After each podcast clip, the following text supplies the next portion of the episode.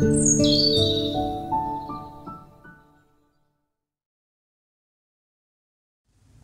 Bapak Ibu Saudara yang ada di rumah, senang sekali kita bisa bertemu lagi di dalam Hikmat Pagi pada hari ini. Pada hari ini kita akan merenungkan kembali firman Tuhan, tetapi sebelumnya mari kita berdoa terlebih dahulu. Mari kita berdoa. Bapak yang baik, terima kasih ya Tuhan, Engkau masih memberikan satu hari lagi di dalam kehidupan kami. Dan pada pagi hari ini kami akan mendengarkan firman-Mu. Kiranya pimpin kami, stay kami ya Tuhan, supaya kami bisa mendengarkan firman-Mu dengan baik. Hanya di dalam nama Tuhan Yesus kami berdoa. Amin.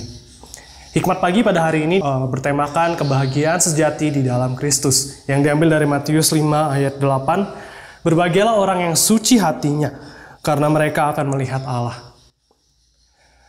Bapak Ibu Saudara, kebahagiaan biasanya diidentifikasikan dengan segala sesuatu yang bisa membuat hati kita menjadi senang. Misalnya saja ketika kita bisa meraih kesuksesan, kekayaan, menemukan benda yang telah lama hilang, mendapatkan sepotong roti, berisi coklat di tengah rasa lapar yang melanda atau menikmati makanan kaki lima namun bersama dengan orang yang kita kasihi.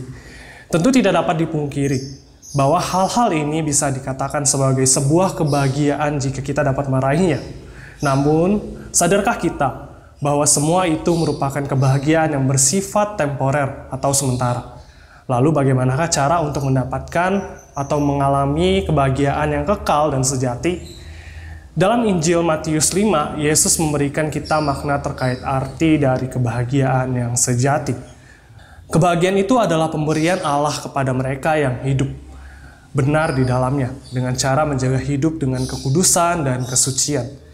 Ketika hal ini dimiliki dan dialami oleh orang percaya, maka dikatakan bahwa kita adalah orang yang paling berbahagia sebab kita dilayakkan untuk dapat menikmati Dia dan memperoleh upah besar di sorga. Inilah kebahagiaan yang sejati. Bagian tersebut merupakan cerminan dari Mazmur 24 ayat 3 sampai 4, di mana seorang yang hidup suci ia boleh naik ke gunung Allah dan berdiri di tempat kudusnya. Ada nuansa bahwa ia tidak hanya bersih secara moral tetapi juga secara ritual dan memiliki hati dan pikiran yang hanya berpusat kepada Tuhan saja.